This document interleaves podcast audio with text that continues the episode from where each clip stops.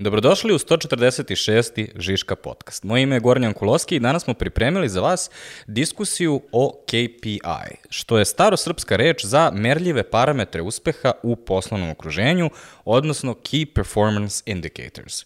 Na primjer, ako želite da znate da li vam je uspešan proces zapošljavanja, vi ćete meriti koliko u proseku se zaposleni kojima date posao zadrže u firmi i na osnovu toga zaključiti da li je proces dobar ili loš. Ako treba da vidite kako ljudi reaguju na vašu kampanju, onda ćete izmeriti možda broj komentara, šerova i lajkova i možda videti da li imaju pozitivan, negativan ili e, neutralan sentiment. Zašto uopšte pričamo o ovome i šta tu ima zanimljivo? Naime, nekada, um, kada je svaki biznis vodio vodio neki gazda, uh, onda je on na osnovu svoje slobodne procene, da ne kažemo slobodne volje, odnosno da ne kažemo kako mu se ćef ne odlučivao svemu i svačemu. Kada se pojavio profesionalni menadžment svugde u svetu, onda je KPI došao uh, kao način da se da neka struktura, objektivnost i neka aura ozbiljnog poslovnog pristupa. Međutim, danas, kada su KPI-evi kao način upravljanja veoma široko rasprostravljeni, Uh, postali smo svesni nekih ograničenja, odnosno mana KPI-eva. Uh, ali o njima ne pričamo nešto pretarano često, barem ne u ozbiljnim poslovnim podcastima.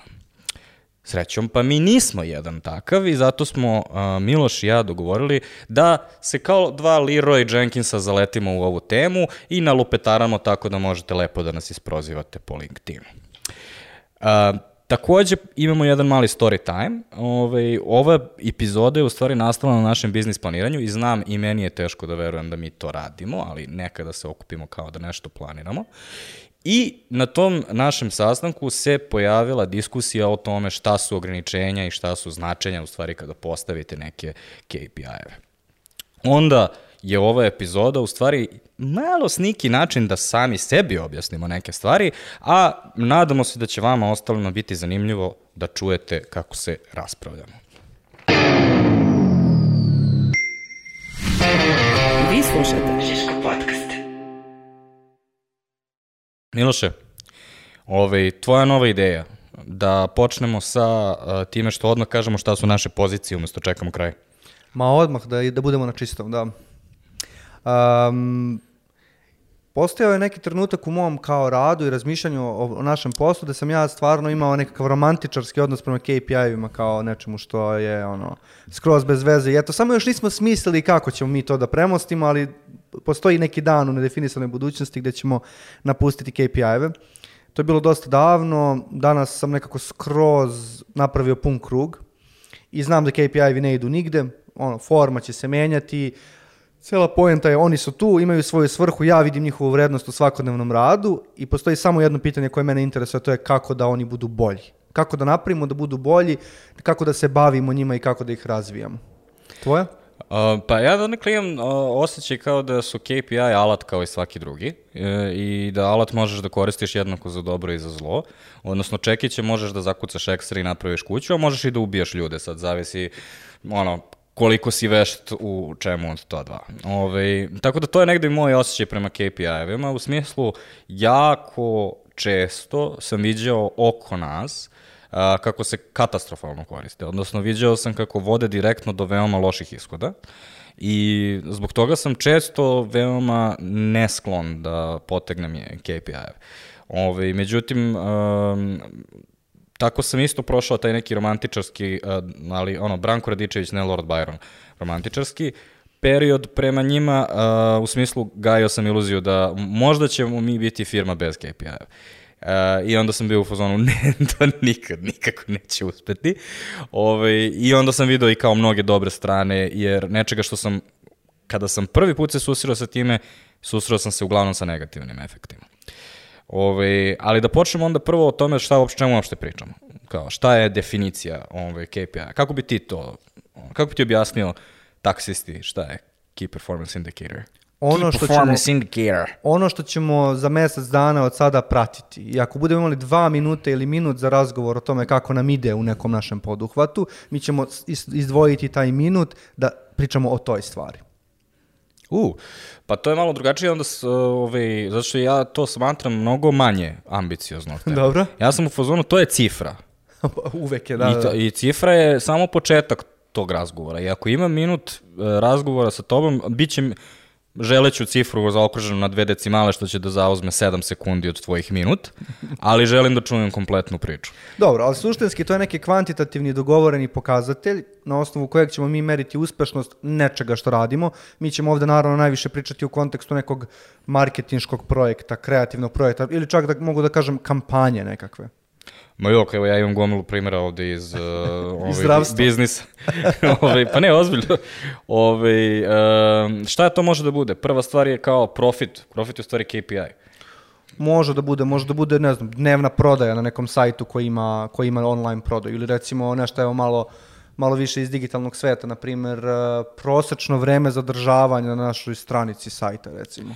Aha, imaš i onda one fancy izmišljene, veoma derivativne, kao što je, na primjer, ono što ti daje YouTube, a to je, možeš da vidiš kako se tvoj video kvotira u odnosu na sve ostale videe u tvojoj kategoriji. Da li ljudi u proseku više gledaju, ako znaš, postoji ona mm. retention kriva, ali relativna retention kriva, ne kao apsolutna koja konstantno pada. Mm, ali realno gledano ovo, sad mi idemo odmah u neku egzotiku, i to je uvek tako u razgovoru u podcastu, ali suštinski KPI-vi su često nekakve najveće, najrazumljivije brojke koje prosto ne nose sa sobom neku kompleksnost. Primera radi, broj pratilaca na Instagramu je baš čest, KPI bio godinama u našem poslu.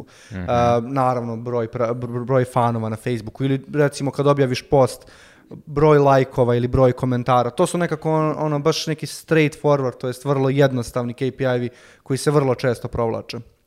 Imaš i opciju, uh, znaš šta je KBI?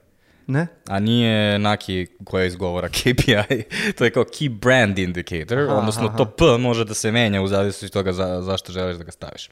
Mm -hmm. Ove, um, ono što je za mene najbitnija stvar uh, da ljudi razumeju, što mislim da često mešaju, jeste da je ključna reč u ovoj skraćenici indikator.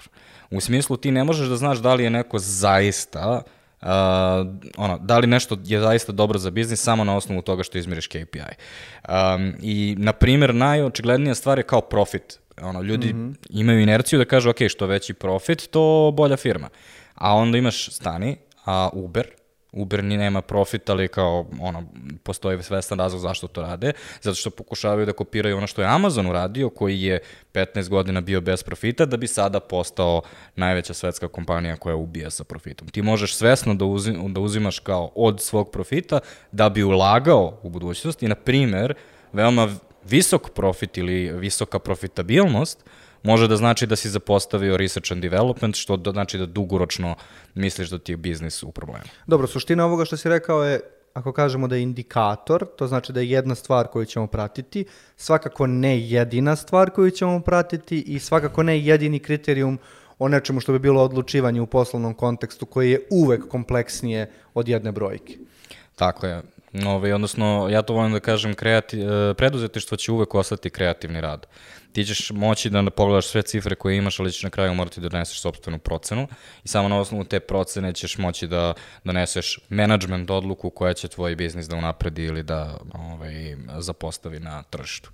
Da. Uh, druga stvar koju moramo da raščistimo, koju ljudi često brkaju, ja mislim između ostalog zbog, zbog toga što je stvar, ono, na engleskom je mm -hmm. ovaj reč, uh, a to je KPI versus cilj, odnosno KPI versus uh, benchmark, odnosno target. Mm. Zavisi kako, kako ko ovaj, to kaže, ali poenta je jedno je ono što merimo, a drugo je konkretna cifra koju ciljamo u tome što merimo. Ovo je došlo iz kolokvijalne upotrebe reči KPI, zato što su ljudi skraćivali i umesto da svaki put kažu Dragi Gorane, da te podsjetim, naš KPI je broj pratilaca, a trenutni broj pratilaca je 300 ispod toga. Oni samo kažu, jesmo ispunili KPI, nismo fali na 200. I zbog, prosto zbog tog skraćivanja u komunikaciji su ljudi poistovetili KPI sa onim što treba da dostignemo tačno. A to je suštinski ovo što si ti rekao, benchmark. E, ove, sad kad smo, raz, uh, kad smo raščistili ovo, ove, šta misliš ko je izmislio KPI? Mm, Baš, baš, baš nemam ideju. Kapiram da je došlo sa industrializacijom, ali možda čak i pre. A ja sam isto poviskočio odmah kad na Frederika mm. Taylora fazovni mm. ono, operativni management ili nešto tako. Ne, Miloše, ovaj, uh, kineska dinastija Wei ovaj, je, ja mislim, peti vek nove ere. Zašto misliš da su ludi kinezi koristili KPI? Sve što kažem, bit će ili rasizam ili totalni ono ignorance, tako da molim te ti. Ne, ništa se nije promenilo za hiljadu i po godina. Ocenjuju performans članova porodice. Kao, imali Ko je su upisao KPI. plus 5 na KPI. Ok. Ove, nisam baš ono detaljno istraživao šta je, ali to je ono što sam našao. A, onda se negde u 1464. godine a, Luka Pacioli a, ob, objavljuje nešto što se zove sumacija aritmetike, geometrije, proporcije i proporcionalnosti, što neću pokušavati da bučerujem na italijanskom, ali punchline je da objašnjava kako su venecijanski mornari u stvari računali koliko im se isplati svaki put. U smislu koliko su para potrošili da kupe neku robu i za koliko su tu robu prodali i onda na osnovu toga i su postavljali te prve kao KPI. A dobro, kad bih baš široko gledao, prva je prilika u istoriji da su ljudi beležili kvantitativno neke podatke o nekom poduhvatu, a onda donali neku odluku na osnovu toga. Ja, to je. Mada, kad malo bolje razmisliš, oni e, prvi sačuvani, oni glineni tableti iz Vavilona, gde piše ono, jov, tri ovce, si- sigurno je neko na osnovu toga posle donosio neke odluke. Trebaju nam četiri. Tako je, da. Ove, I onda Jov dođe i kaže, može tri i po ovce. da ne A sada, sada zvuči malo smešnije ona naša ideja s početka podcasta da ćemo mi da ukinemo, ukinemo KPI-eve, ono, kao istorijsku tekovinu, stariju od hiljada godina. No, nebitno. Elem, a, ja sam organizovao naš razgovor kao četiri, em, četiri dobre stvari koje donose KPI-evi. Jedna je da unose strukturu, druga je da obezbeđuju objektivnost, treća je nešto što si ti dodao, a to je da mo mogu da motivišu i e, četvrto, imaju posledice. Tam, tam, Ok. tam, tam. Ali da počnemo, znači, prvo sa ovim laganim i ovaj, KPI-evi obezbeđuju strukturu. I ovo mislim da je pogotovo tačno u korporacijama bez kojih ja mislim upravljanje bez KPI-eva nije ni moguće, jer kada radiš u korporaciji jednostavno nemaš toliku količinu poverenja koliko imaš na primjer u maloj firmi, gde sam ja u fazonu, ok, ne zanima me šta Miloš radi, jer kao siguran sam da će Miloš uraditi ono što je dobro za kompaniju i za sve nas. Kada radiš u korporaciji, ti konstantno u stvari želiš da proveravaš nečiji performans i onda tu je dobro da se postavi ono što se kaže čist račun, duga ljubav. M- čak malo i opšti od toga. Prosto samo kada pogledaš broj ljudi, broj sektora u kompaniji, u korporaciji, koliko informacija treba razmeniti, mislim da to izlazi izvan nekih realnih okvira, ne znam, ljudske sposobnosti. Znači, prosto moramo da nađemo način da skratimo način da pričamo o stvarima važnim za biznis. Znači, jeste poverenje, ali i pre toga ono puka potreba za komunikacijom. Jer u suprotnom, ti ja svaki put razgovaramo o, o onome, o, projektu o kojem pričamo iz početka, jel tako? Kako se ti osjećaš, kako se ja osjećam, šta se sve dešava i tako dalje. Da, ima ona krilatica what gets measured gets done. Ono što se meri, to biva urađeno. I ovaj, pro, on, recimo, meni je za to najveći primjer budžetiranje. Mm -hmm. zbog toga što um, ono, možemo mi da pričamo do besvesti o tome šta su naši subjektivni osjećaji o nečemu, da li nešto ide dobro ili loše, ali u nekom trenutku neko treba neki x novca da alocira na neki projekat ili na neku inicijativu i u tom trenutku ti je potrebno, ok, daću ti x, ali mi vrati y i na taj način onda u stvari kao počinje potreba za KPI-evima, ja bih rekao. E sad, to je nešto što je kao, sad smo završili sa tim kao šta je dobro ovde, međutim šta je loše, može da radi previše dobro. Odnosno, um, dve stvari kad smo već kod budžeta, jedna je čuveno ispucavanje budžeta. Svi znaju da nikako ne treba da ti ostane viška u budžetu. Ako nisi potrošio nešto, to znači da ćeš sledeće godine dobiti manji budžet. Što znači da uvek tradicionalno najviše projekata se dešava uvek krajem godine, jer tada su ljudi u fazonu, ok, sad moramo da očistimo ovo da bismo naredne godine imali veći, veći Ili budžet. sličan primjer za prebacivanje KPI-eva, da, da ti imaš recimo neke KPI-eve koje vidiš prosto kao menadžer da ćeš dostići, ne znam, 20. ovog meseca, što je logično korporativno ponašanje da uradiš nakon, ono trenutak nakon što pređeš tu granicu. U suštini da prestaneš da sipaš resurse u to mesto, jer ispunio si stvar, nema veze, idemo, idemo na nešto drugo. To je pomalo slično. Čak, znači, ne samo to, nego, ne samo ispunio sam idemo na nešto drugo, nego koči, zbog toga što ako prebacimo previše, to znači da će nam još duplo povećati naredne godine, a ne želimo baš toliko da, da rastemo. To su sve oni primjeri koje mi na tim našim biznis planiranjima često pričamo o tome i kažemo ovo je moment gde je ono što je trebalo da bude naš alat, sada svrha samom sebi i sada mi služimo tom alatu. Što je kao pomalo absurdna situacija u poslovanju, ali bilo bi neodgovorno da mi ne prepoznamo da se to prosto dešava.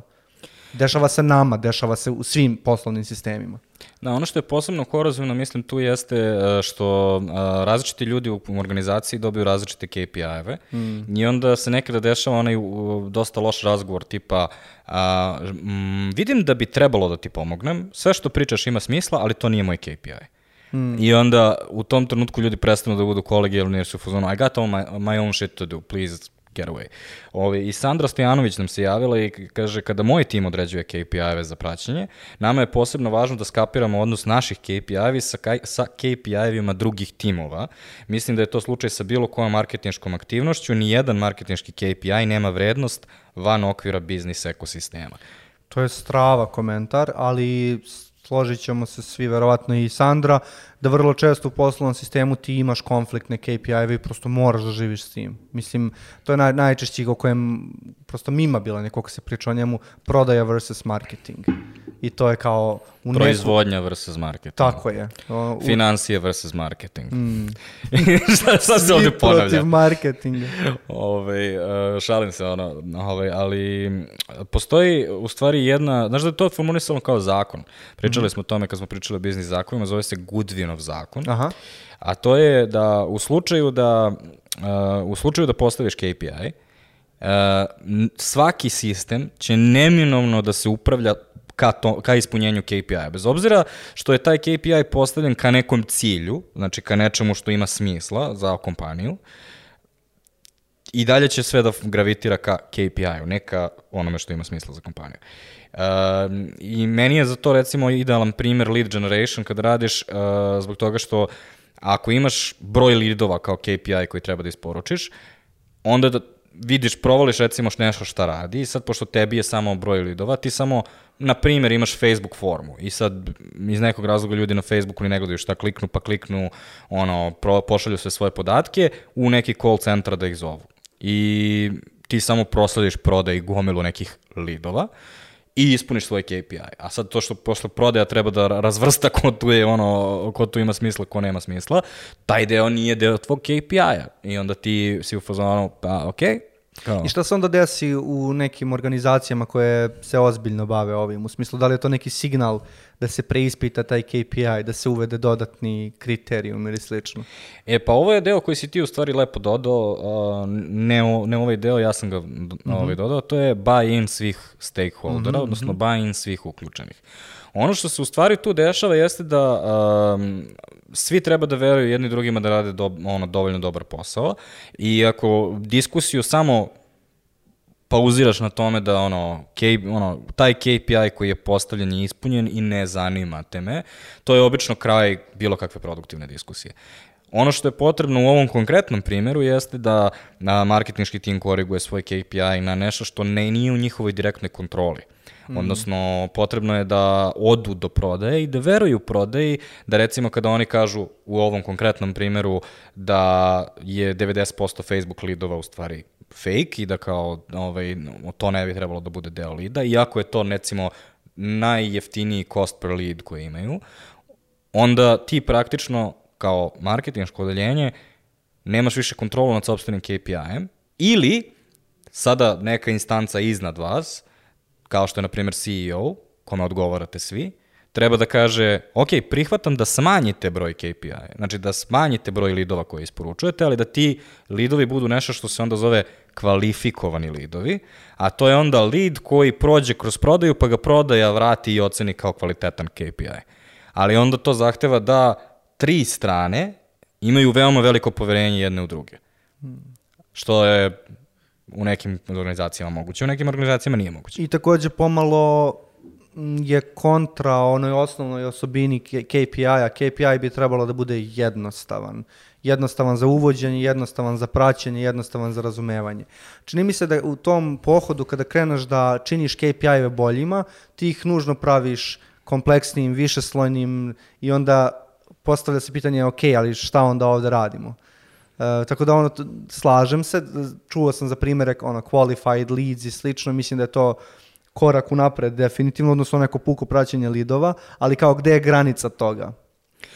Pa, e, granica je e, granica je u nekom odnosu između broja, brojki kao nekog mm. instrumenta i ljudskog ponašanja. Jer osnovna stvar jeste da ti obezbediš buy-in za, uh, to je, ja ne mogu da prevedem tu reč na srpski. Ja tebi verujem da je ovo što smo se dogovorili ima smisla. Znači, postoji varijanta da ti meni narediš, postoji varijanta da ja vidim da ne mogu da se izborim sa tobom i da moram da legnem na rudu. To sve nije, to je sve truli kompromis. A buy-in je kada ja zaista verujem da je to dobar dogovor koji smo napravili. I ako se sve strane imaju buy-in, ovaj, i veruju u dogovor koji su napravili, onda tek KPI može da funkcioniše. A to za, ono, zavisi od mnogo stvari, kao na primjer ko uopšte postavlja KPI. Da li je to stvar dogovora ili je neki autoritet došao i pro, ono, proglasio koji je KPI? Uh, to je jako zanimljivo zapravo, zato što mislim da će u zavisnosti od toga ko je doneo KPI, KPI biti različito tretiran u svakodnevnom poslovanju. U smislu, ako je on došao s polja i on je neka stvar koju ne dovodimo u pitanje, to je za mene kao zaposlenog jasan signal, recimo, ne znam, top management je odredio KPI. To je za mene jasan signal kao zaposlenog da to nije nešto što ja treba da preispitujem i da treba slepo da spucam svoje resurse u to da zaokružim tu brojku i to je ono ponašanje koje smo već opisali. S druge strane, ako smo mi kao tim, sad u nekoj drugoj strukturi, postavili neki uh, self-imposed KPI, znači mi smo seli, neko nam je rekao uzmite pola dana danas da sednete i da radionicom i razgovorom dođete do KPI-eva koji su vaši, ok, ja sad imam neku dodatnu odgovornost prema tome, pa ono dođe, vala, ja sam ga postavio, ne mogu da ga posmatram kao neku puku brojku, jel tako? Tako da mislim da nije mala stvar proces kojim organizacija dolazi do KPI-eva, mislim da je veoma važan i da je to važan deo menadžerskog posla takođe. Da, ali takođe um, mora da postoji konflikt unutar KPI-a. Zbog toga što, um, ono, recimo, svi nivoji upravljanja su tako organizovani, da je zadatak neko ko je više u hijerarhiji jeste da pušuje svih ostalih, a tvoj zadatak kao neko ko je niže u hijerarhiji jeste da odbraniš što više, odnosno da postaviš sebi praktično što manji KPI koji sigurno možeš da ispuniš. To su jednostavno, ono, to, bukvalno ono, ekonomski interesi su tako postavljeni. Nije kao ništa što je sad, ono, kao tragedija ljudske prirode, ono, prirodno je. Negde u tom, ono, um, nadjačavanju, odnosno pregovaranju, treba da se desi neki proces. Taj proces onda može da izgleda tako što neko preseče satorom, tako što radimo radionicu ili tako što se ona jednostavno dogovorimo, a opet sve je stvar nekog ljudskog dogovora i poverenja koje se na kraju stvori uz sve te štake sa strane kao što je na primjer ovaj, uh, ono, argumentacija, pa onda kažemo ili recimo prethodni primeri ili recimo neka ono, veoma dubiozna računanja i projekcije koje se često izjalove i tako dalje. Dobro, ono što je zaključak za mene iz celog ovog dela je da će kultura imati veoma veliki uticaj i na način na koji se dolazi do KPI-eva i na način na koji se govori o KPI-evima i da možda neki od problema koje mi e, pripisujemo KPI-evima ne dolaze nužno odatle, nego da se tu vide, a da su oni svakako posledica neke korporativne kulture koja je, ne znam, zatvorena, gde se gledaju lični interesi i tako dalje. Tako da on, meni je u tom smislu sada ova stvar jasnija sa jedne strane. Postoji još jedna stvar koja, koja utiče, to je znanje o samom KPI-evima. Odnosno, mm -hmm. a, to da li ste gledali ovu epizodu ili ne. Šalim se. Ove, ali ima recimo um, ono, par saveta koji su bitni za razumevanje KPI-eva. Jedan je um, razdvojiti vodeće i prateće KPI-e. Mm -hmm. uh, vodeći su oni koji predviđaju, znači um, vodeći predviđaju nešto će biti u budućnosti. Šta je to, na primer, um, bilo šta u sales funnelu, pre prodaje, znači ono recimo click-through rate jednog banera je vodeći parametar za na kraju broj prodaja. I ti možeš to odmah obično mnogo pre da, da izmeriš, zbog toga što, ajde sad, digital funnel možda i nije najbolji primer za ovo što se sve dešava dosta brzo, ali na primjer kada postavljaš funnel za mm, kupovinu stana, na primjer onda postoji trenutak kada neko prvi put dođe u salon, ti ga intervjuišeš i tako dalje. Postoji puno koraka i sad broj ljudi koji dođe u taj salon je na neki način vodeći KPI u odnosu na, na kraju broj prodaja. Znači, ti vodeći KPI, njih treba da tretiraš na, od, na određen način, a sa druge strane postoje i prateći KPI-evi koje tretiraš kao ono, uh, rezultate u koje se mnogo više možeš pouzdati, ali šta je onda razlika u odnosu na, na vodeće? Kao, vodeće možeš da dobiješ pre i onda možeš da reaguješ na njih pre nego što tržište već osvesti. Kada svi dobijete već prateće KPI-eve, onda je daleko, ono, svima su stvari jasne, kao svi znamo koliki je čiji je market share i na osnovu toga znamo ko je uradio dobar posao, koji ne i onda možemo da pripremamo neke naše naredne korake na osnovu toga. Odnosno, um, na primer, um, ovaj, šta je broj poseta sajtu? Pa to bi bio vodeći KPI, jel da? Vodeći KPI zato što na kraju dana ti, ono, nije ti bitno da li je neko samo došao na postu sajtu, nego šta treba da uradi. I onda, u recimo, pošto Žiška, na primjer, nema online prodaju, onda bismo mi trebali da gledamo ne, neki način, ono, da li ili neki broj novih klijenata ili zaradu od novih klijenata, pa da onda to koreliramo sa mnogim drugim stvarima, na primjer, brojem pregleda našeg podcasta, plus negde da gledamo i kako nam se kreće broj posete sajtu itd. itd. itd. Uh, šta je uh, kada gledaš uh, ovaj prodaju u maju, na primjer year to date? Pa onda možeš da uporediš sa prethodnom godinom do, do tog perioda. E, ali vidiš, zavisi od toga kako se koristi. Ako mm -hmm. gledaš baš tako kao što si ti rekao, Da, onda bi, onda bi bilo, uh, bio prateći KPI. Mm -hmm. Ali većina ljudi u stvari gleda prodaju u maju da bi mogla da predvidi, da analizira kako će biti ta godina cela. Mm -hmm. I onda to postaje vodeći KPI. Znači, ti okay. pretpostavljaš imao sam dobar maj, imaću i dobar novembar i onda na osnovu toga šteluješ prognoze i tako dalje. Što onda u nekim korporacijama ima i posledice tipa uh, otključavaju ti se određeni budžeti. Aha, im, dobro nam ide maj, ok, onda ćemo imati kampanju na jesen. To u situacijama kada postoji pozamašni istorijski podaci o nekom poslovanju, pa ti sad možeš da, da referiraš na te podatke, da izvodiš zaključke. To je recimo neki zreo poslovni sistem, je tako? Da se KPI-vi primenjuju godinama mm. i odgovorno se odnosimo prema njima i tako dalje. E, slično ovome postoji i e, ovaj, Vera Lloyd Thomas nam je pisala e, i e, kao savjetovala da ona uvek podeli na outcomes i outputs. Mm -hmm. Outputs su uh, deliverable projekti, uh, ono što radimo da bismo dostigli biznis ciljeve. Ona smatra da je to veoma krucijalno u marketingu u radu sa agencijama zbog toga što praktično sve što agencija radi je output. Mm -hmm. Jer agencija ne može da stvori kao outcome, odnosno ono što je rezultat za klijenta, direktno, nego indirektno preko naših outputa dolazi do outcome koji su bitni za klijenta. Znači ona kaže treba da podelimo na outpute i outcome i onda se mi kao agencija više bavimo outputima nego outcome-ima ili su outputi nešto za što mi odgovaramo, a outcome možda zajedno sa klijentom. Recimo, ili to otprilike Mislim, deluje mi da je to sledeći korak razmatranja. Pa da, ali ono što je, ono što je bitno je kao da svakako je napredak kako svi znamo da postoje dve stvari o koje pričamo. Mm -hmm. Ako nismo svi u istom loncu u jednom trenutku, a onda ovaj, analiziramo samo ove određene stvari u drugom trenutku. I uh, onda dolazimo do ove poslednje izmišljotine koja se zove OKRs. Dobro. Da li si ono nešto znaš o tome? Sve češće mi ljudi pominju OKRs i kako ih implementiraju u svojim firmama i kako je to na neki način game changer Pretpostavljam da nije nov koncept, ali do mene stiže u poslednje vreme češće. Uh, pa ja sam ovaj, kupio knjigu, nisam još uvijek pročito, ovaj, uh, ali slušao sam Bildijev podcast. To je što je Bildi to rekao, kao da su kupovina knjiga i čitanje knjiga dva veoma različita hobija. Tako je.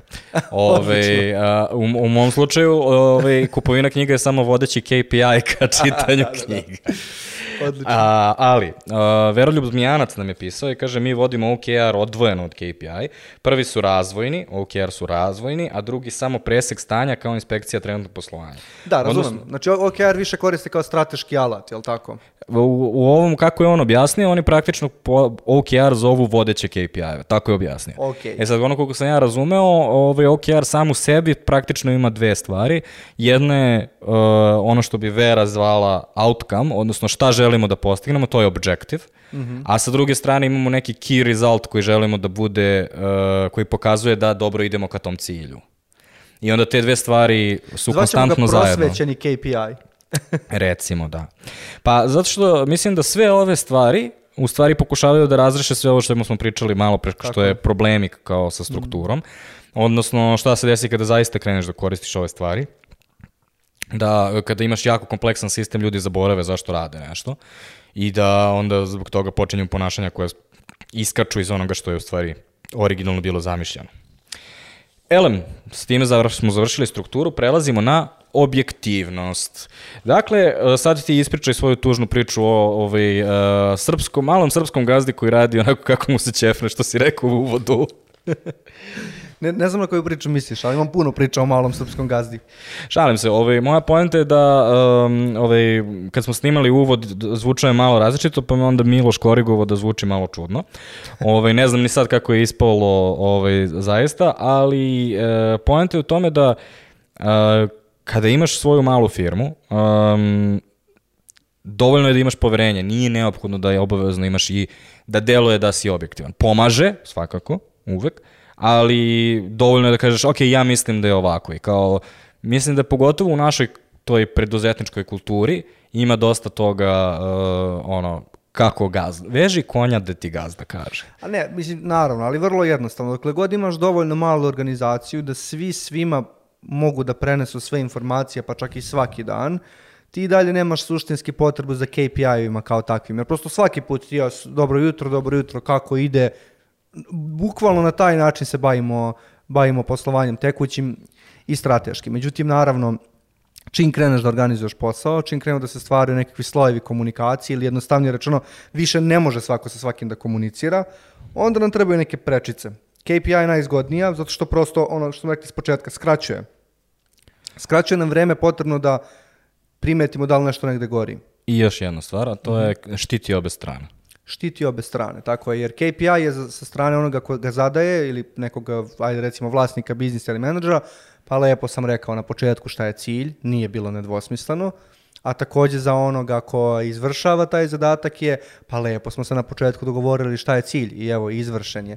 Mislim, ali to sad zvuči smešno jer zvuči kao da to rešava sve, a u praksi to je samo početak razgovora. Zato što kao, a kako smo to uradili? A šta smo sve žrtvovali za to? Koje A šta smo se uopšte dogovorili? Da, da, da.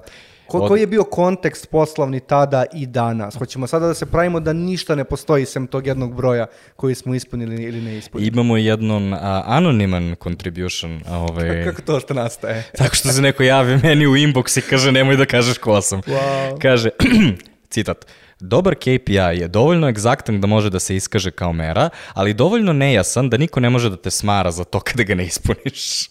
To je zapravo zvuči kao šaljiv komentar, ali hajde na trenutak da se osvrnemo e, prema onome što mi znamo da se u praksi dešava kada KPI-evi nisu ispunjeni ili e, kako mi u stvari pričamo o KPI-evima. Zato što sad kad bi neko slušao emisiju pomislio bi taj KPI kad se uvede to ti je ono svi znaju, to se više ne dovodi u pitanje.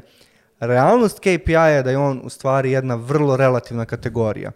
I da baš zavisi s kim pričaš, u kom trenutku pričaš, on može biti tvrd kao kamen i ovo se ne dovodi u pitanje, to je prosto dogovorena stvar, a može biti i nešto što namignemo ti i ja jedan drugom i kao znaš već, nećemo postići KPI, ali nikad nismo ni mislili da ćemo i Pa, tako dalje. mi smo u stvari naboli već ovu priču, uh, kada smo pričali o qualified leads. Aha. Ovaj, uh, recimo drugo, drugi primjer za to je onaj uh, consumer uh, lifetime value, ne znam da li Aha, sad znaš šta je to. To se u gamingu jako često koristi u smislu uh, ja treba da sračunam koliko uh, jedna osoba koja je došla preko oglasa potroši para u igrici i onda dokle god uh, je taj iznos veći od toga koliko me košta da dovedem tog čoveka da instalira igricu, ja sam okej. Međutim, to je prosek. Znači, ono, onda, onda možemo dalje da kopamo. U stvari nisu svi ti ljudi koje dovedemo isti i možda je samo dodatno natrpavanje nekih ljudi koji samo instaliraju igricu i deinstaliraju. Dobro da ispuni moj neki KPI, ali ne dovodi, ono, smanjuje dugoročno taj cons, ono, consumer lifetime value i onda time praktično urušavam sobstveni sistem. Na primjer, Jasno. ono što je poenta je, ako je jasno, obično nije toliko korisno. Kao što je, na primjer, broj followera, jasno prikazano svima, ali ne služi ničemu više zato što algoritam, ako pričamo recimo o Instagramu, danas na osnovu algoritma do ono tvoj um, post će doći do nekih ljudi ili neće doći do tih ljudi. Um, tako da se konstantno u stvari dešava ovaj, to da moraš da imaš neki trade-off između toga da je jasno, neopozivo, merljivo, ali onda nije korisno i toga da ideš dalje da tražiš da je korisnije, korisnije, ali onda postaje sve debetabilnije i sve više tu dolazi procena. Jeste, ali ako mi u sred nekog poslovnog procesa uđemo u, u to nijansirano bavljanje time, mi smo se u stvari privremeno dozvo, do, dogovorili da suspendujemo KPI ili barem da mu malo oduzmemo na značaju, jer kao u procesu smo razumevanja te stvari. A, tako da, mislim da ono što, što je ljudima konfuzno u poslovnim sistemima, sigurno, sećam se da je meni bilo u puno situacija, je kada se taj značaj KPI-a menja, a ti ne znaš zašto, ni šta je dovelo od toga. Jer to je moguće. Na jednom mestu u sistemu se dešava neki proces, a tebi na tvom drugom kraju odjednom taj KPI više nije važan. Ono, komunikacija je u tom smislu jako važna i to nas opet vraća na onu temu ko je uveo KPI, na koji način pričamo o njemu, da li on sveta stvar koja se ne preispituje ili nešto što samo započinje razgovore. To je opet, opet tema i korporativne kulture, sigurno barem podjednako koliko i, i tema KPI. A, Sandra Simonović nam se javila i a, napisala nam sledeće. Sve zavisi kome predstavljaš. Odlično. Da. prikazuješ izveštaj. Jer nije svima sve jednako bitno. Iz mog ugla, dakle social, razdvojiti takozvan vanity KPIs, pure performance, number of followers, likes, shares i tako dalje, od onih koji su C-levelu zapravo bitni, conversion rates, number of sales, trials i tako dalje. Ovaj, to je jedan način. Um, ovaj, ono što mi je uh, tu privuklo je u stvari taj izraz vanity KPIs. Aha. Um, da li znaš zašto je dobio izraz vanity KPI? Nije, Pa ono, nije bio kao samo useless KPI, pošto kao followers ne znači ništa i tako dalje. Zašto je vanity? Pa zato što, mislim sad lupam, zato što svi znamo da on nema realan impakt na poslovanje, ali se osjećamo dobro kada ga ispunimo. Ne znam da li Sa jedne strane, priča. sa druge strane, to je nešto što je vidljivo i način na koji uh, često vlasnici biznisa vole da se, pro, da se mm, ovaj, porede. I mi smo imali ne, ovaj, par puta u našoj karijeri zahteve da uh, doteramo stranicu do x lajkova ili da doteramo do x followera da bismo bili ono, reputacioni udar je ako je tvoj konkurent ima mnogo više lajkova i followera nego ti. Ma naravno, to je na, naročito bilo važno 2000, ne znam, 14. godine kada su brendovi iz nekog razloga jako pažljivo pratili e, broj Facebook fanova. Mislim, to je zaostavština iz tog vremena. I onda prosto nije bilo okej da neki tvoj konkurent ima više ili da mu rastu fanovi brže nego tebi.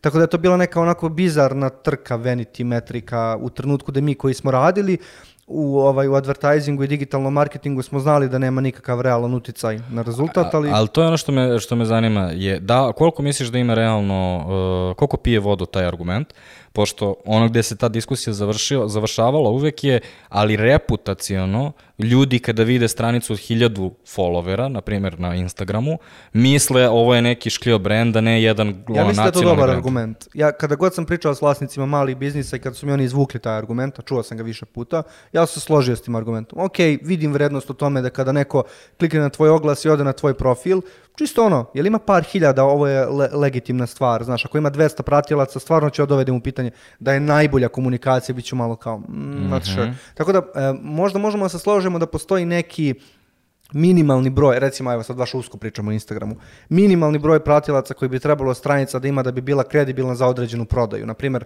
ako je prodaja vrednosti do 100 evra, ja bih se usudio da kažem trebalo bi da ta stranica ima ono idealno 2, 3, 4, a valjalo bi čak možda i do 10.000 followera. I tu mogu da, da poverujem, da nekako možemo čak i podacima da dokažemo ovaj, možda da, da, je, da utiče na prodaju ta brojka. Ali to onda niše, više nije vanity metric. Ali si nabao jednu drugu stvar koja je problem, a to je da KPI-evi evoluiraju. I to je ogroman problem u digitalu, zato što svaki put kad se promeni algoritam, onda se treba se promene i KPI-evi, a to tako ne radi baš u velikim korporacijama.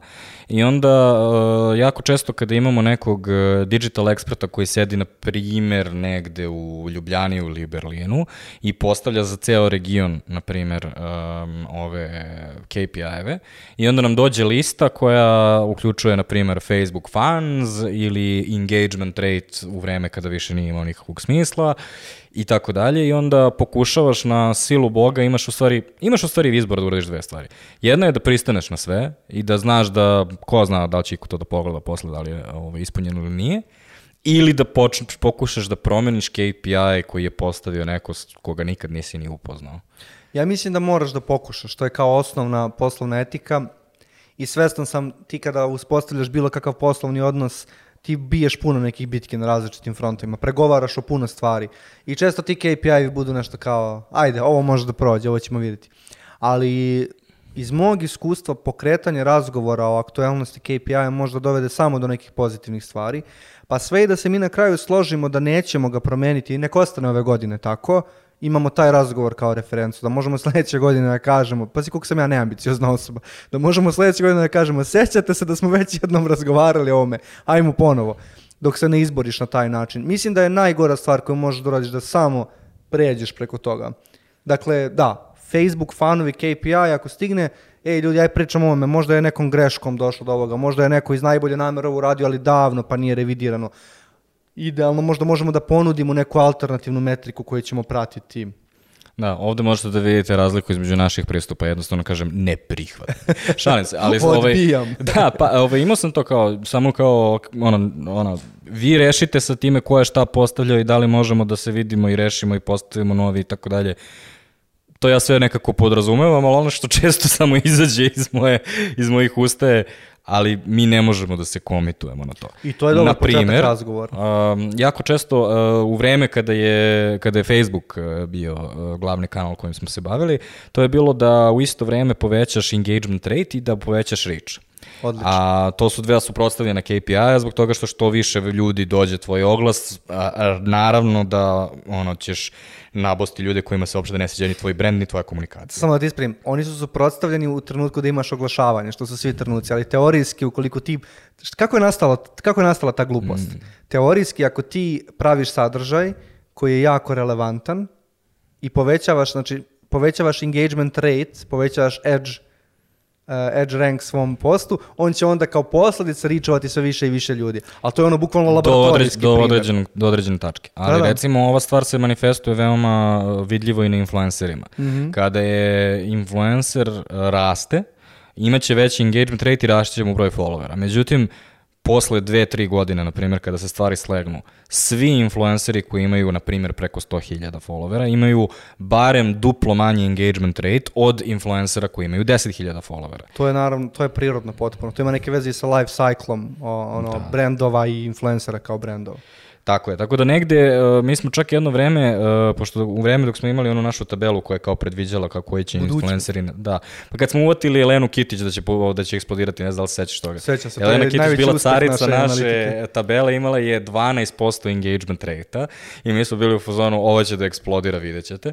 Mm. Ovaj, međutim, ni- niko nije ovaj, bio pretredno zainteresovan za naše uvide. Ajde samo kratko, znači ta tabela je merila umjesto da meri puki broj community znači koliko neko ima pratilaca, ona je merila engagement rate i onda smo mogli da uporedimo uh, ove influencere slične veličine community s različitim engagement rateom, da je viši engagement rate sugerisao da će to, ta osoba postati puno popularnija, da postoji puno neke ono... Ma ne samo to, nego smo pratili to kroz vreme, pa smo onda Naravno. znali kako to evoluira u smislu kao ako ono raste pada, raste pada, znali smo da li je recimo neko izdao novi album pa je samo jednostavno Odličan je to ili- bio alat za nešto što nije ni, ni, ni, ni trebalo meriti ono na početku. da. Ovaj, uh, Elem, um, ovaj, šta je, uh, šta smo u stvari naboli sada?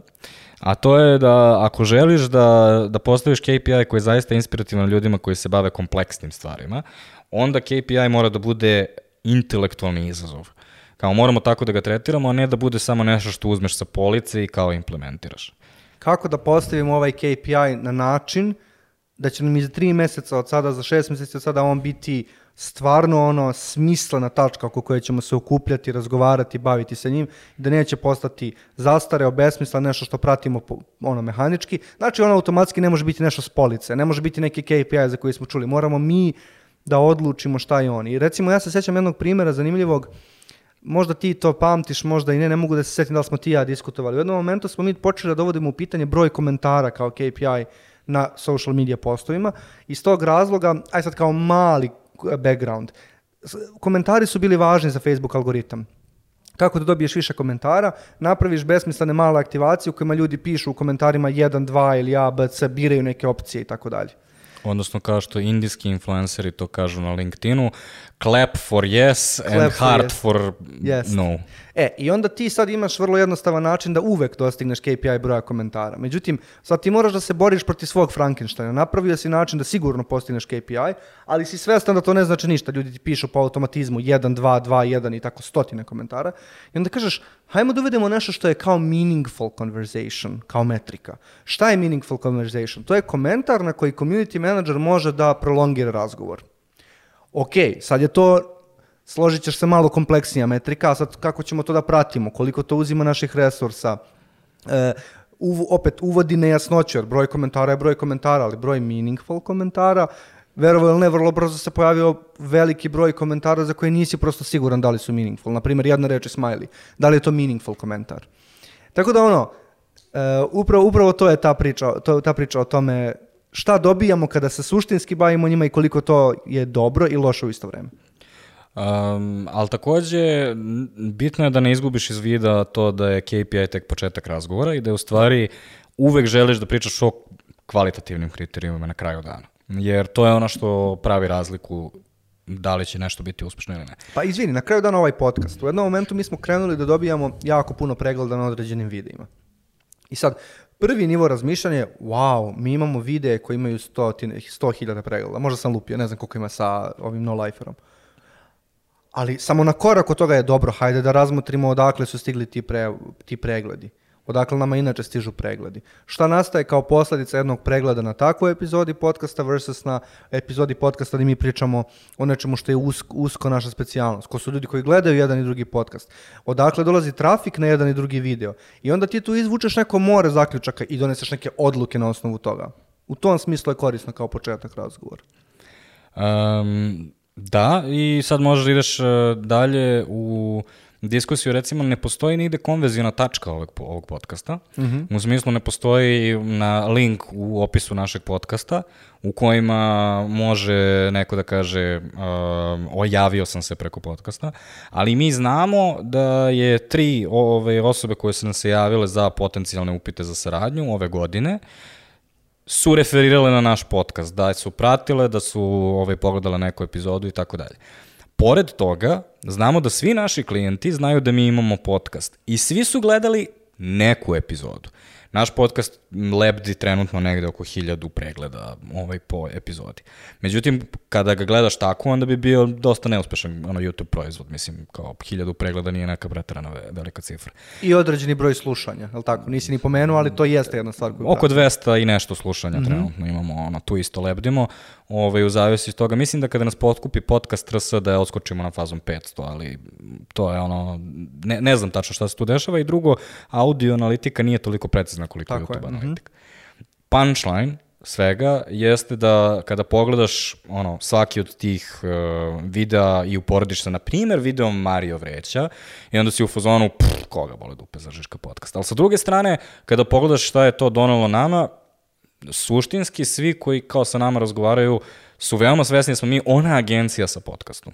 Hmm. I on, ono, ona agencija sa, u Zagrebi, malo čudnim podcastom, kao gde ljudi nešto hmm. mnogo drve i kao ne dolaze baš ljudi kao u klasične intervjue i šta se tu tačno dešava, tako da ovaj, to je ta, ta vrsta kvalitativne Tako da recimo, kada bismo mi uveli u naš podcast KPI sa police, koji bi bio recimo mesečni prihod podcasta, mi bismo napravili alat koji bi nam merio svakog... koji bi nam svakog meseca merio neuspešnost našeg podcasta. Ali onda, da li bismo zbog toga prestali da diskutujemo o drugim, upravo ovim koje si opisao kvalitativnim efektima. To je, je jedno od mojih briga. Zaboravio se da sam ja jednom sračunao kao na vreme svih ljudi koji su se bavili Žiška podcastom i koliko nas je to koštalo. Ove, I na kraju smo došli do, do kvalitativnog zaključka da smo spremni da izfinansiramo toliki još. Odlično.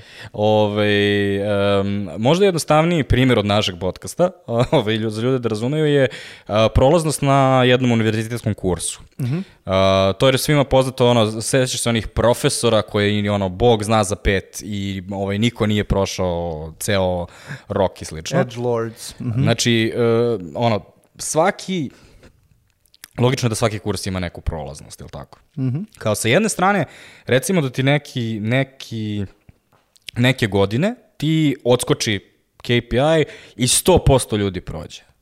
I sad, šta, šta je, da li je to razlog za uzbunu ili nije razlog za uzbunu? Pa zavisi šta se desilo. Ako je baš 100% ljudi prošlo, baš kada je redovni profa, na primjer, otišao na bolovanje i onda su odjednom prezazeli asistenti, to je veoma jak signal da su najvjerojatniji asistenti bili mnogo popustljiviji nego što bi profa bio, da, su, da oni nisu tu. Sa druge strane, ako je ono, isti bio test i tako dalje, možda je test procureo. A takođe, možda jednostavno imaš veoma nadarenu grupu klinaca i pogotovo ako imaš recimo jako mali, e, jako mali uzorak, na primjer imaš studentsku grupu od 6-7 na primer ono, magistranata i radiš sa njima, onda se veoma lako može desiti da tih 6-7 bude izvanredno u odnosu na ostale generacije i da je sasvim normalno da imaš 100% u odnosu na neki kurs koji je recimo 75% prolaznosti inače. To je recimo jako zanimljivo što si naveo kao primer, zato što uh, otkriva jednu stvar koju nismo eksplicitno rekli, a to je da ti tumačiš jedan KPI često stavljajući ga u kontekst drugog KPI-a. Pa, na primer, analiziraš prolaznost na kursu i analiziraš, na primjer, možda broj upisanih uh, studenta, pa kažeš, ok, sada mnogo manje ljudi upisuje ovaj kurs, to je opalo i ovo izgleda da su ljudi koje stvarno interesuje ovaj kurs i naravno procentualno je porasla prolaznost. Vrlo često se koristi jedan KPI kao kontekst drugom KPI-u. Um, I onda je Netflix došao do rešenja koje, ja nisam razumeo, a ti si ga kao primjer. Mislim, Netflix je došao, Netflix je genijalan zato kao primjer, zato što je ogromna kompanija koja se služi alatima malih kompanija. Kako oni to urade? Oni to urade i kažu, ok, imat ćemo vrlo kompleksne KPI-eve na sve strane, ali onda ćemo imati jednu vrednost u korenu svih KPI-eva koju ćemo uvek prvo otvarati, a to je da li je osoba radila u interesu kompanije. Pazi koliko je to nedefinisano. I onda ti zapravo nikada ne možeš da braniš neki KPI, to je dostignuti benchmark nekog KPI-a, a, a da nemaš vrlo dobro spreman odgovor na pitanje kako si radeći to i postižući taj KPI, takođe bio veran vrednostima Netflixa, Netflixa i radio uh, u interesu te kompanije, holistički gledano. Što u prevodu znači ti nahvataš nekog menadžera, koji je ispunio KPI, ali ti se ne dopada način na koji je to uradio i dalje imaš alat da mu kažeš no, no, no, ovo nije dovoljno dobro. Što je meni, e, ja nemam dokaza, ovo nisam radio u Netflixu, ali nominalno ovako Netflix opisuje svoje procese. Pa, upravo si sumirao ovaj, uh, ono, šta je recenzija svih ljudi koji su pročitali Netflix No Rules Rules, ili kako se zove... No ta, Rules Rules. Da, uh, knjiga koja je knjiga Netflixovog ovaj, osnivača, jako puno zanimljivih ideja. Uh, sa dve, zne, dve zvezdice. Prva zvezdica je ovo možda radi samo u startupu koji je top of market, pa onda imaju para da, na primjer, onom Brazilcu koga pominju, dupliraju platu i onda kao, zamisli, duplirali, duplirali smo čoveku platu, pa bravo im, kao kad, kad možete. Druga zvezdica je može dok vam ide dobro, a onda u nekom trenutku uh, ovaj, ne raste vam broj subscribera kao što ste planirali, pa onda odjedno morate 15% ljudi da otpustite i onda je pitanje šta se deša, da, ono, da li vaša kultura izdrži taj konkretan problem koji napravite. Uh, tako da te dve zvezdice su se aktualizovale baš pošto su oni izdali tu knjigu i svi smo je pročitali. Upravo tako. Ove, tako da zabavno, da. Ove, um, znaš šta je za mene krunski dokaz da nikad ne možeš da završiš diskusiju na KPI-evima?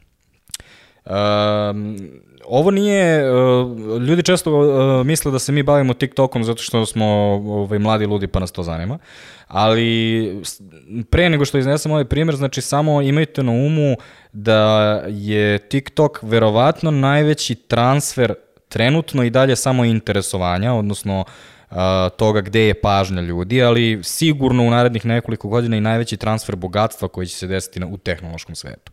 Znači, to što je te, to što je TikTok uspeo da zarobi jednu generaciju, će najvjerojatnije jako puno novca prebaciti iz džepova Facebooka u džepove TikTok ove ljudi. Šta se desilo? I Facebook i YouTube su imali sve moguće KPI-eve. Ako je istina bilo šta od onoga što smo nam rekli u Social Delemi, oni imaju sve moguće KPI-eve koji možeš da zamisliš. Znači, prate svaki tvoj potez i mogu da ga analiziraju. Takođe, u isto vreme, imaju najnaprednije data analytics timove, znači ljudi koji znaju najviše o podacima i ljudi čije mi knjige čitamo kada čitamo o OKR-ovima. Te dve stvari i dalje na kraju je neko morao da donese procenu i da kaže zbog toga svega što znamo, ljudi preferiraju da gledaju uh, ovaj sadržaj od strane ljudi koji prate. Znači ja pratim, na primer, uh, Maple Things uh, ilustracije i onda će on da mi daje Maple Things ilustracije. I onda je došao TikTok i rekao, suprotno svim vašim podacima, ja ću da dajem ljudima random videe i onda ću da zaključim šta zaista gledaju. I onda se ispostavilo da je to trenutno adiktivniji algoritam. Znači, čak i kad imaš sve moguće podatke, najbolje ljude na tome i dalje moraš da doneseš procenu i na osnovu te procene tvoj proizvod živi ili umire. Da li bi se ti složio, i ovo samo ima posredno veze sa ovim što si ti ispričao vezano za TikTok, da li bi se ti složio s tim da postojanje čvrstih KPI-eva i KPI kulture u kompanijama onemogućava ili usporava transformaciju ili promenu? To je ono što smo pomenuli ranije tokom ovog podcasta. Uh, zavisi. Uh, ako se dobro koristi, je li ti poznat izraz snake in a tunnel? Ne? Um, to je, uh, Snake in a Tunnel je u stvari vizualna reprezentacija onog uh, principa uh, planiranje, plan je ništa, a planiranje je sve. Mm -hmm. U smislu ti postaviš sebi neke ciljeve, onda vidiš da nešto ne ide, onda promeniš uh, ciljeve i onda ti kao ovaj, neka to, to planiranje praktično, to jest to što si postavio u nekom trenutku KPI, te usmerava u određenom smeru. A ono što je tvoj realni performans i kuda ćeš ti zaista otići je kao neka zmijica koja A, se okej, šeta u tome. aha. I onda se ti praktično kao ta zmija u tunelu krećeš kroz sad šta god je tvoj zadatak, ovaj, da li je tržište, da li je ovaj, video ili šta već želiš da, da pronađeš. Um, ono što je problem sa tim razmišljanjem zmije u tunelu jeste što zmija u tunelu ne može da pivotuje. A pivot znači zmija u tunelu ne može da se okrene i da ode 180 stepeni unazad i da napravi velike promene. Jer ako čak i da si u najboljem, uh, čak i da sve ovo što smo rekli je tačno, u smislu da možeš, uh, da, da imaš ljude koji imaju poverenja jedni u druge. Čak i da mogu da razgovaraju otvoreno o KPI-evima i da su spremni da ih menjaju i modifikuju. I dalje u nekom trenutku ceo sistem je usmeren ka nekom smeru KPI-eva, nekoj, nekom buketu KPI-eva. A u nekom trenutku, na samom početku, stoji odluka koja kaže trebali smo od početka da idemo drugim KPI-evima.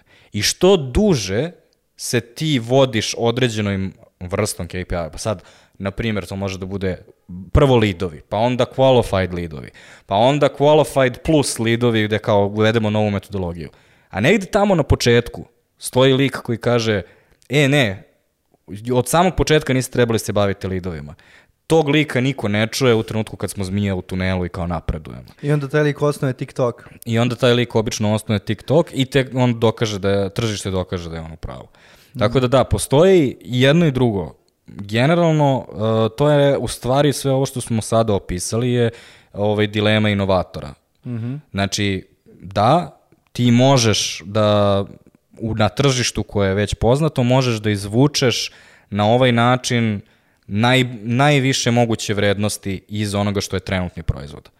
Ali ćeš teško da napraviš novi proizvod. I to je u stvari razlog zašto startupi redko kad mogu da uspeju unutar kompanije, nego moraš da ih izdvojiš na neki način, zbog toga što time izoluješ rizik od ostatka kompanije i mnoge druge stvari. Elem, imamo još jednu stvar koja je, ovaj, koju si ti dodao, a to je da KPI-evi mogu da motivišu. I sada, ja moram a, demon iz tvoje prošlosti. Kako si se osjećao kad ti Ivan Stojanović rekao da Fanta Instagram profil mora da dogura do 70.000 followera? Pa ja sam iskreno u tom trenutku sa informacijama koje sam imao i svojim egzekutivskim menadžerskim strahovima se osetio kao da me Ivan ono, ugnjetava.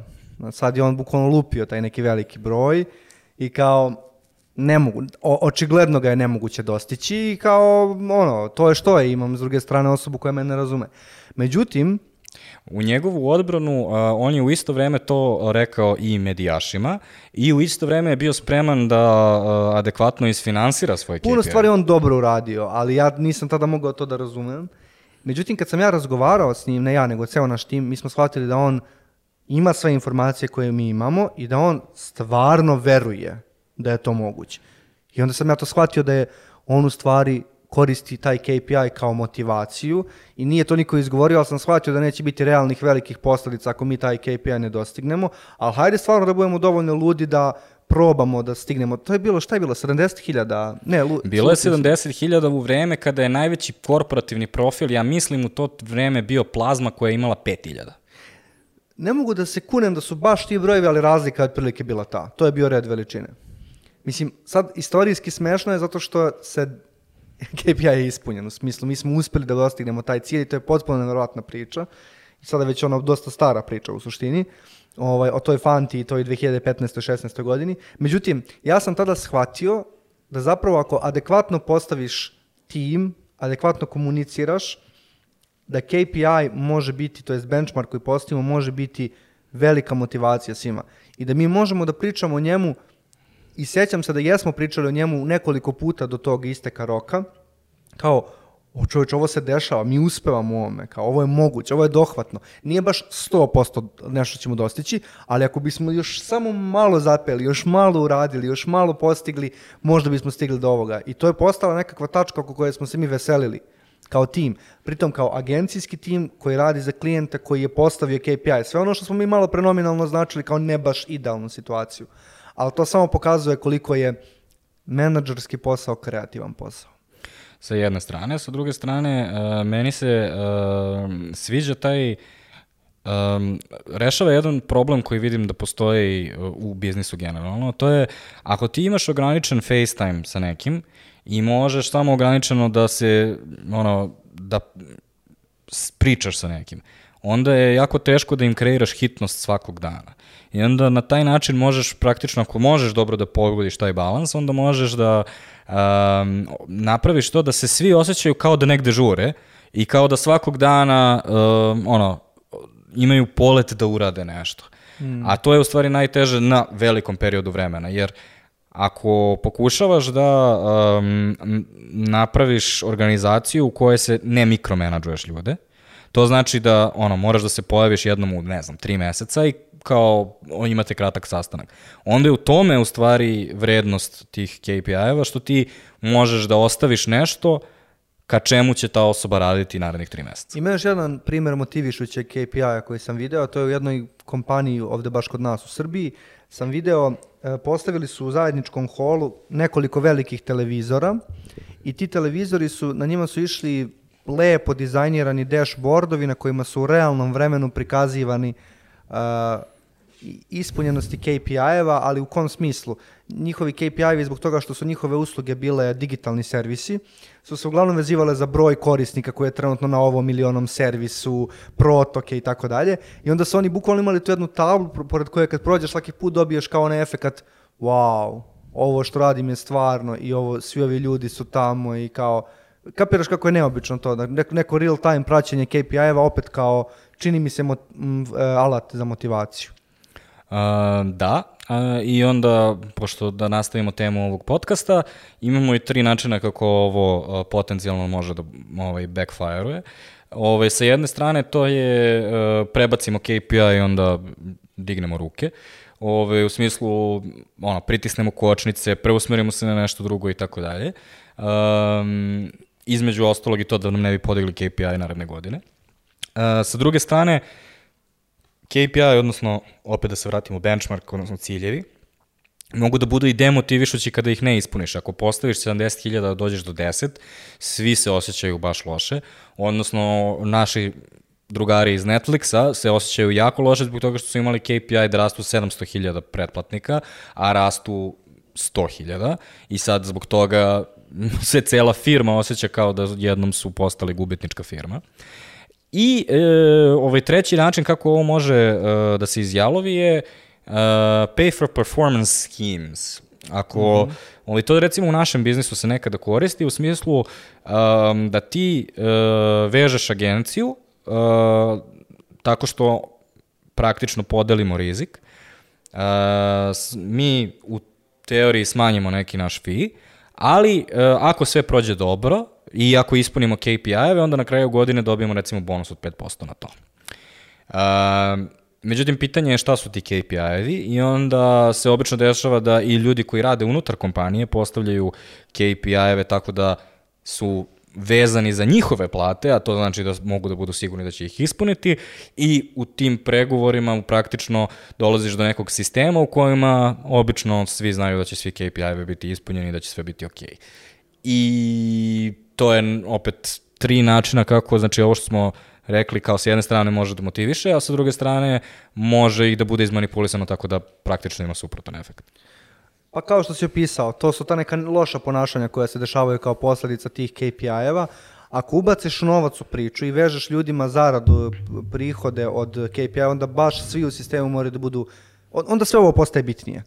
Svi moraju da budu sigurni da je to apsolutno relevantan KPI, da je merljiv, da je svima jasan, da, smo, da svi smo dali buy-in, svi smo se dogovorili. U praksi to ne bude tako, u praksi je to neki trickle downovan KPI koji je samo došao do tebe, ti si ga pogledao, bio si u fazonu, a dobro, ovo ćemo, uspjet ćemo, rešit ćemo ovo i onda, to više, onda on više nema težinu. Onda on postaje proceduralna stvar. A, sad kada si krenuo ovo da nabrajaš, uh, ovaj, osetio sam se jednog od naših pet pivova, to su smart ciljevi. Aha. Ove, a to su um, specific, measurable, actionable, uh, relevant and time... Time nešto. Ono, ograničeni. Vremenski ograničeni. Vremenski ograničeni. Ove, uh, šta je tvoje mišljenje o smart ciljevima?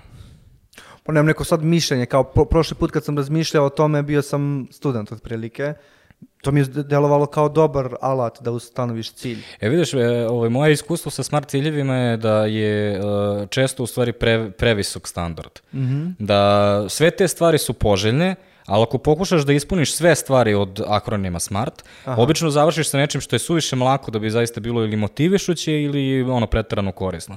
U smislu, aha, želimo da bude specifičnije, pa ok, ako je specifičnije, onda se ograničavamo u stvari na neke male, konkretne projekte kao, znaš, ne, ovaj, negde u tom radu na njima, uh, ako pokušaš da ispuniš sve od toga, uh, obično se dešava da se pogubiš. I recimo, to je razlika, na primjer, iz, koju mogu da vidim između tog OKR sistema mm -hmm. i mhm. Smarta.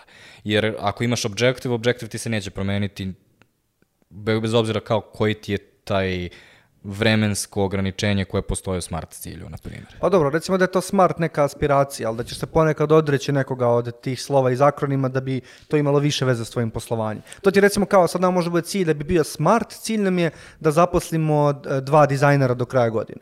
A zapravo naš cilj je da imamo bolji dizajn, ali to nije opet cilj. Pa moramo naći nešto između kao. Pa da, i dosta često su u stvari, ono smo mi bili u ovim situacijama i dosta često smo bili u fazonu, ok, nismo, ali ovaj, evo, jedan naš copyright copywriter je sada postao dizajner. Jako su dobre priče koje pričamo jedni drugima nakon neispunjenog KPI. Mm -hmm. Uvek imamo strava, uh, racionalizacije i uvek su ono, uh, uvek su cool priče, nikad nisu, znaš, imaš kao KPI kao neku strogu zaokruženu stvar, onda ne ispuniš i onda ulazimo u anegdote. E, ne ispuniš KPI, to je četvrti deo, zove se KPI-evi imaju posledice. Mhm. Mm Um, u stvari, KPI-evi služe, između ostalog, da prekinu taj beskreni krug diskusije, gde ljudi mogu da, kao što si rekao, beskreno pričaju jedni drugima priče i šta se dešava i zašto je teško i šta smo uradili i tako dalje. To može da potraje i onda u nekom trenutku uh, se ljudi izgube volju za toj vrstom diskusije, jer na kraju deša se da vrtiš iste argumente do besvesti i onda kao postavimo neki KPI i kažemo ako KPI padne ispod određenog X, onda se preseče odluka. Mm -hmm. uh, I kako se to u stvari dešava u realnosti? Um, šta se desi kada kao ne ispuniš KPI? šta iz, iz mog, ja nemam puno iskustva s tim. Zato ti kažem, ovaj, moji ja KPI-evi su... KPI-evi u životu ispunjeni. Da, bukvalno mo, moji KPI-evi su ispunjeni. Šalim se, ovaj, pa rekao sam ti šta se dešava. Dešavaju se različite relativizacije. Ja nisam bio prisutan puno puta, evo ti ćeš mi pomoći s nekim primjerom, puno puta da se desilo ono što bi očekivao, to je nekakva vrlo realna posledica u poslovnom sistemu, prekid rada na nečemu, finansijske posledice i tako dalje. Ne, mislim da, ovaj, uh, mislim da sad si upao u stvari u inerciju, mm -hmm. A to je uh, inercija koju uh, ti u stvari odgovaraš da se nije desilo ono što ljudi misle da će se desiti kada se KPI ne ispuni. U stvari, mm bio si ti jako često u situacijama kada nismo ispunili KPI. Jako često smo imali neprofitabilne projekte. Tako je. I šta se desi kada imaš neprofitabilan projekat? Ono što ljudi misle da se desi je otpustit ćeš menadžera koji ima neprofitabilan projekat. Ono što se u stvari mnogo češće desi je pregovaraš za veću cenu, pregovaraš za manju, manji skup ili reorganizuješ tim. Kao, to su tri stvari koje... Tražiš se uzroke tome i pokušavaš da dođeš do nekakve promene koju možeš da napraviš. Znači, au- automatski se prebacuješ, bukvalno se u sekundi prebacuješ iz moda ja sam neuspešan, nisam ispunio KPI, u mod, ok, šta sada, evo ga novi kontekst, nova informacija i moramo odmah da uradimo nešto sa ovim. Možda je to najveća vrednost KPI-eva, što stavlja, ovo što si ti malo pre već pomenuo, stva, stavlja stvar na agendu. Neispunjen KPI, ok, prvo moramo ovo da rešimo. Možda, a možda je kao neispunjen KPI, ali ovaj nije bio pretjerano bitan KPI. Ma ovaj nam je Ovaj nije, manje- ovaj nije bio key performance indicator, ovo je bio something performance Ovo ti indicator. je predgrupa bila. da, ali e, bitno je, e, ove, ovo će biti šesti put u poslednjih nekoliko podcasta da iznosim ovaj primer, a to je e, American Icon i Anthony Mullally koji dolazi u Ford i onda sedi na sastancima na kojima sam i ja često sedeo, to je sve linije su zelene, svi KPI-evi su ispunjeni, ovaj, the likes will rise forever. Ovaj, a, ako ona, neispunjeni KPI-evi su u stvari jako vredni za kompaniju. To je prvi trenutak kada možeš da odreaguješ i ako tu možeš da odreaguješ ad- adekvatno, onda zaista možeš da promeniš svoje poslovanje na neki dobar način. A u slučaju da imaš kulturu u kojoj svi imaju praktično podsticaj da svoje KPI-eve zabašuju, odnosno predstave pozitivno, čak i kada to možda nisu na, to možda nije sasvim istina, onda praktično time sasecaš informacije i onda više nemaš praktično dobru vezu sa onime što ti tržište govori. Zanimljivo da si pomenuo tržište. To je kao ona stara anegdota šta najviše, koji je jedan single faktor koji najviše utiče na prodaju Coca-Cola na bilo kojem tržištu. I onda svi krenu, to je oglašavanje, to je ovo, to je ono, ono vremenska prognoza. To je naravno anegdota, ali nosi jednu važnu pouku, a to je Pa gdje nije ćeš povući... anegdota. Ne, ne, To znam, je da, ne- je, znam da je i tačno. To je veoma bitna stvar koju smo trenutno svi Mhm. zbog toga što 2020. se desio najveći udar na sve industrije. Desio se COVID i svi smo se zatvorili u kuću. Mm. Što znači da nijedan KPI bilo kog pakovanja koje se konzumira u kafiću nije bio ispunjen. Tako je. I to takođe znači da su svi KPI-evi pakovanja koji se konzumiraju kod kuće sigurno bili premašeni. To je cela moja poenta. E, Kretanja na tržištu i kretanja koje su izvan naše kompanije će imati ponekad drastičan uticaj na naše KPI-eve, ali to prosto nije ono što mi kažemo manageabilno, nemoguće je upravljati time i to je u stvari KPI-evi donekle služe kao nekakva zdrava granica e, između onoga čime upravljamo i onoga čime ne upravljamo. Da, um, ovaj, kada su stvari toliko očigledne, kao što su desio se COVID ili kao što će sada biti desio se ovaj šok koji imamo od resursa, potencijalna recesija i sve ovo što se dešava sada ekonomski oko nas, to su stvari koje su nam konstantno tu negde.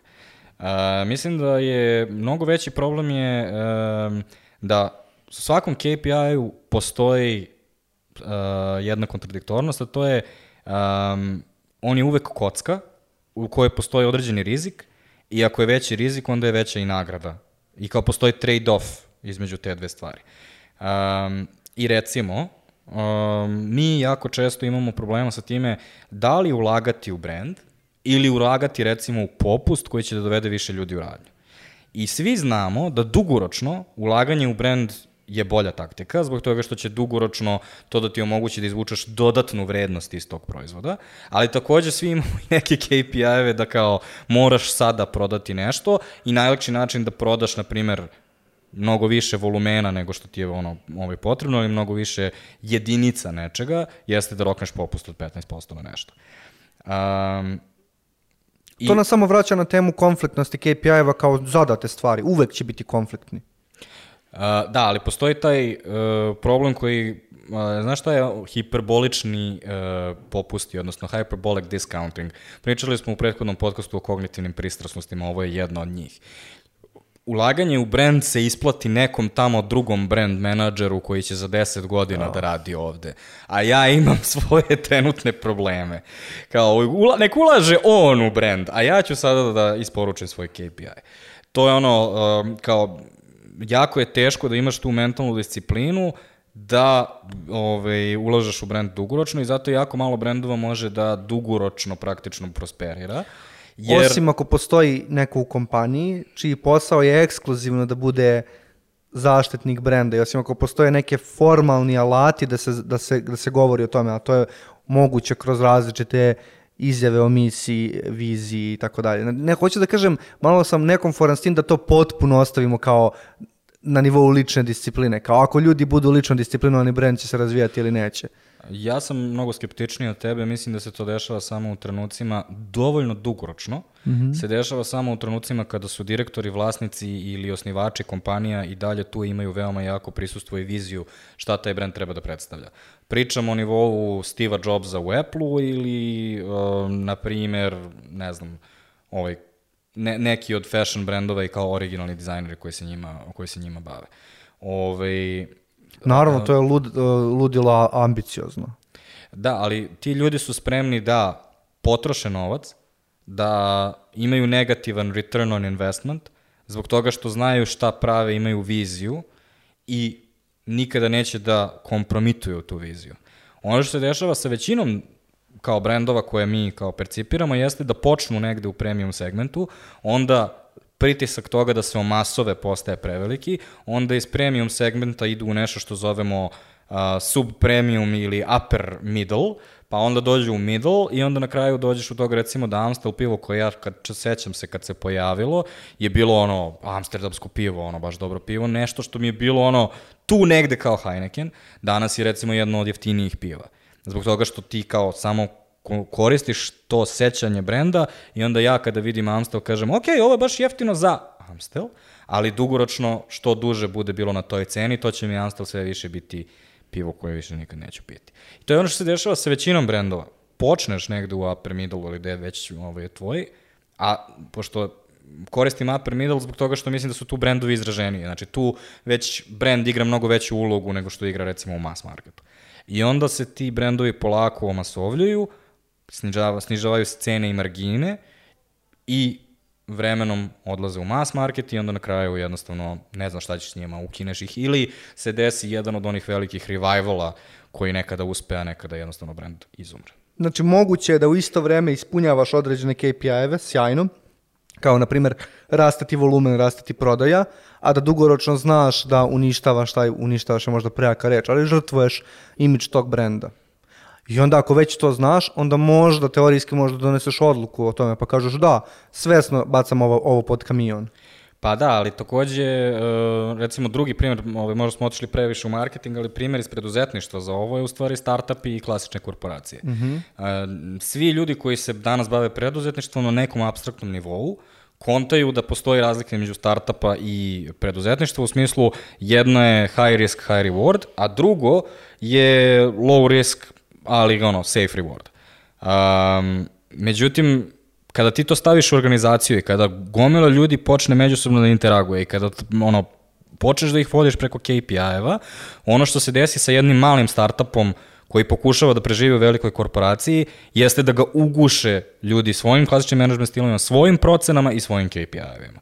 Mm. I odličan primjer za to je, na primjer, recimo Nespresso, koji ako je tačno, ovaj, ono što se prenosi, a, ovaj, što sam a, čuo od ovaj, Rory Sutherlanda koji je head of Gilvija, a to je da uh, Nespresso je u stvari lažirao svoje finanske izveštaje Nestleu dugo vreme, dve godine, dok nisu postali, ono, mogli da dokažu da će biti viable business i tek onda su u stvari napravili tu inovaciju. Zvuči kao krivično delo, gospodine.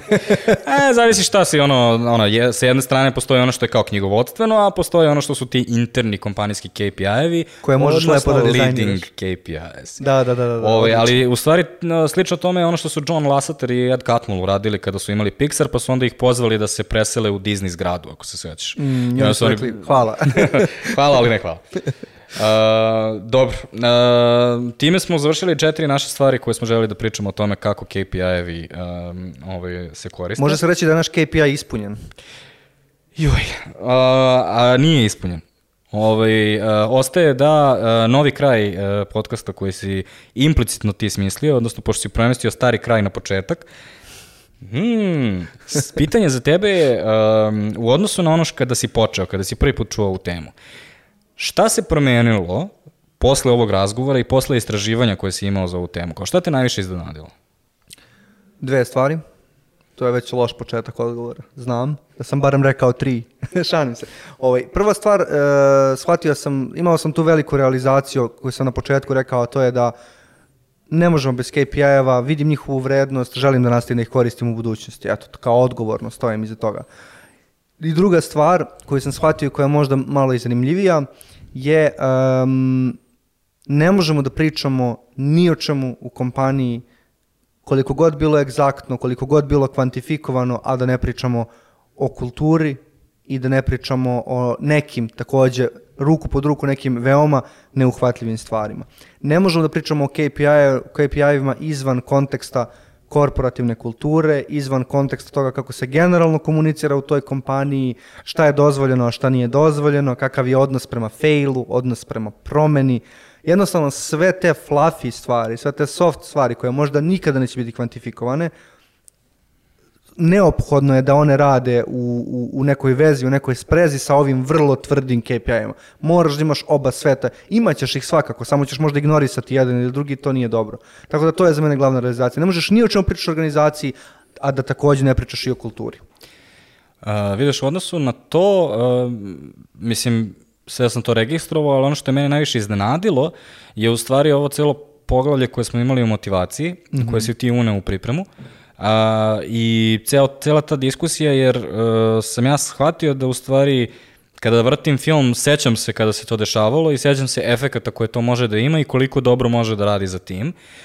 A mislim da smo kolektivno svi u poslovnom svetu navikli da su nam KPI-evi neko nametnuto smaranje i da ono smo sprem, nekako instinkt nam je da malo zakolutamo očima kada čujemo KPI, a da u stvari uh, ono, red, ono, ređe srećemo taj motivišući, dobro balansiran KPI koji nam omogućava da imamo ono, motivaciju tokom ono dužeg perioda vremena. Tako da to je za mene bilo ono najveće. Treba više kreativnog menadžmenta, što si pomenuo.